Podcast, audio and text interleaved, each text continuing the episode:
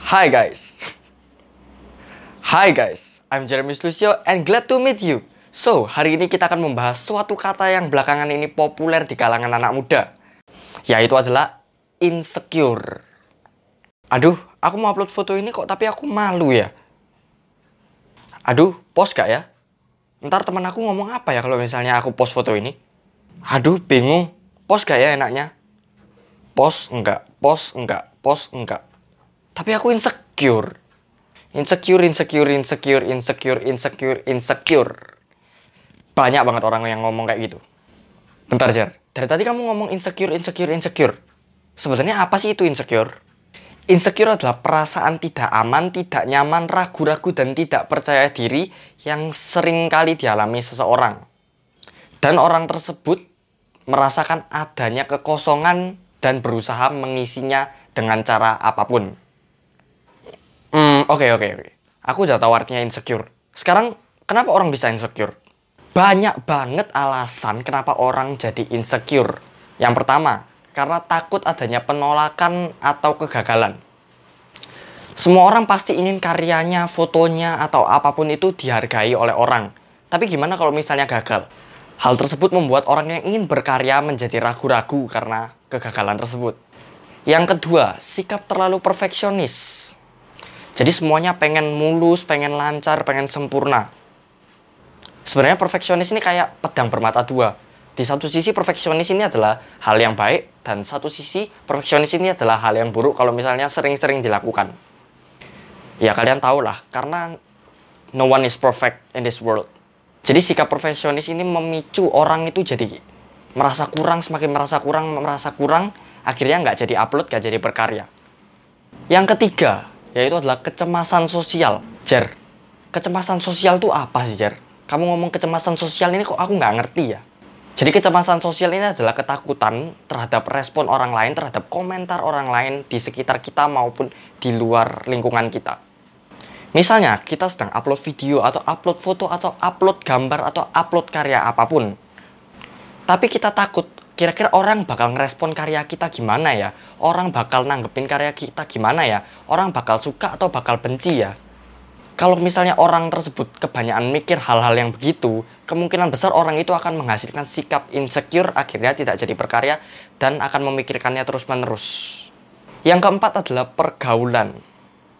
Sadar atau nggak sadar kalau misalnya kita bergaul dengan seseorang yang lebih kaya atau lebih cantik atau lebih ganteng, kemungkinan hal tersebut akan membuat kita membandingkan diri kita dengan diri mereka atau teman kita itu. Hal tersebut membuat kita menjadi membandingkan diri kita sendiri dengan diri orang lain tersebut. Akhirnya, mulailah kita merasa kurang dan mulai ingin seperti orang atau teman kita itu. Yang kelima, karena terlalu sering melihat media sosial. Sadar atau nggak sadar, ketika kita melihat di Instagram, kita melihat orang sedang jalan-jalan di luar negeri, orang sedang konser, orang sedang apa, membuat kita semakin insecure. Aduh kok aku baru mulai tapi orang udah kayak gini ya? Karyanya kok udah bagus-bagus ya? Gimana ya kalau misalnya aku mulai terus bagaimana ya komentarnya? Hal tersebut akan membuat kita semakin tertekan untuk menjadi perfeksionis. Akhirnya kita menjadi insecure itu. Yang keenam karena kecilnya sering dibully. Percaya atau tidak ketika seorang anak pada masa kecilnya sering dibully maka trauma itu akan terbawa kemungkinan hingga dia besar kalau misalnya tidak melakukan penanganan yang tepat. Kemungkinan orang itu kayak gimana ya?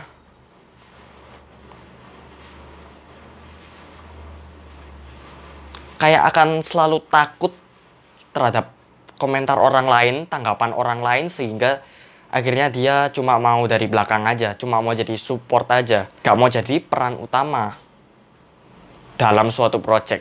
Yang ketujuh adalah pikiran negatif. Semakin kita memikirkan apa komentar orang, bagaimana respon orang, bagaimana jika orang itu tidak suka dengan karya kita, hal tersebut membuat kita semakin terlalu banyak mikir dan sedikit kerja yang kita lakukan. Sehingga hal tersebut membuat kita menjadi insecure dan tidak memulai apa-apa karena sibuk memikirkan hal-hal yang negatif atau respon-respon orang. Padahal kita nggak hidup dengan komentar orang loh. Jer, katanya insecure itu sesuatu yang normal. Kamu kasih alasan barusan kan berarti kita nggak boleh insecure Eits, siapa yang bilang nggak boleh insecure? Semua manusia itu pasti boleh insecure. Tapi insecure-nya itu nggak boleh berlebihan. Karena kalau misalnya berlebihan akan menimbulkan banyak hal negatif. Emang apa aja yang negatif, Jer? Akibat yang akan dialami dari insecure berlebihan adalah overthinking. Kita terlalu sering mikir, kita jadi kurang istirahat, dan kita akan menjadi stres. Karena overthinking tadi membandingkan diri dengan orang lain terus, akhirnya kita gak bisa berhenti mikir gimana caranya kita jadi orang itu, padahal setiap orang itu punya kelebihannya masing-masing. Yang ketiga, tidak bisa berkembang di bagian yang kita sangat unggul di bagian itu. Karena kita sibuk membandingkan diri dengan orang lain, maka kita tidak punya waktu di sektor di mana kita unggul. Karena kita sibuk membandingkan diri kita dengan orang lain tersebut. Dan akibat yang terakhir adalah tidak bisa bahagia. Kenapa nggak bisa bahagia? Karena kita selalu akan membandingkan, selalu akan merasa kurang karena kita insecure berlebih. Kamu kan dari tadi ngomong insecure, insecure, insecure. Terus gimana sih caranya ngatasin supaya nggak insecure? Ada beberapa cara untuk mengatasi insecure berlebihan. Yang pertama, self-love. Kalian bisa ke salon, kalian bisa makan, kalian bisa melakukan hobi kalian. Agar diri kita merasa, wah aku ini berharga loh, aku ini punya satu sisi yang aku unggul sekali di sisi itu loh. Yang kedua, hindari teman toksik dan mencari teman yang suportif. Kalau misalnya kita bergaul di lingkungan yang saling mendukung, maka kemungkinan besar kita akan menjadi bersyukur, mensyukuri keberadaan diri kita dan yang lainnya. Tetapi sebaliknya kalau misalnya kita berada di pergaulan yang toksik, kemungkinan kita akan semakin hancur di dalam pergaulan itu. Karena kita semakin merasa tidak dihargai, kita merasa tidak dibutuhkan dan lain sebagainya. Yang ketiga, mencari kelebihan diri kita sendiri. Dengan kita mencari kelebihan diri kita, maka kita akan semakin bersyukur. Dengan kita mencari kelebihan diri kita, maka kita akan semakin bersyukur dengan adanya diri kita dan bakat yang telah Tuhan. Yang keempat, belajar bersyukur.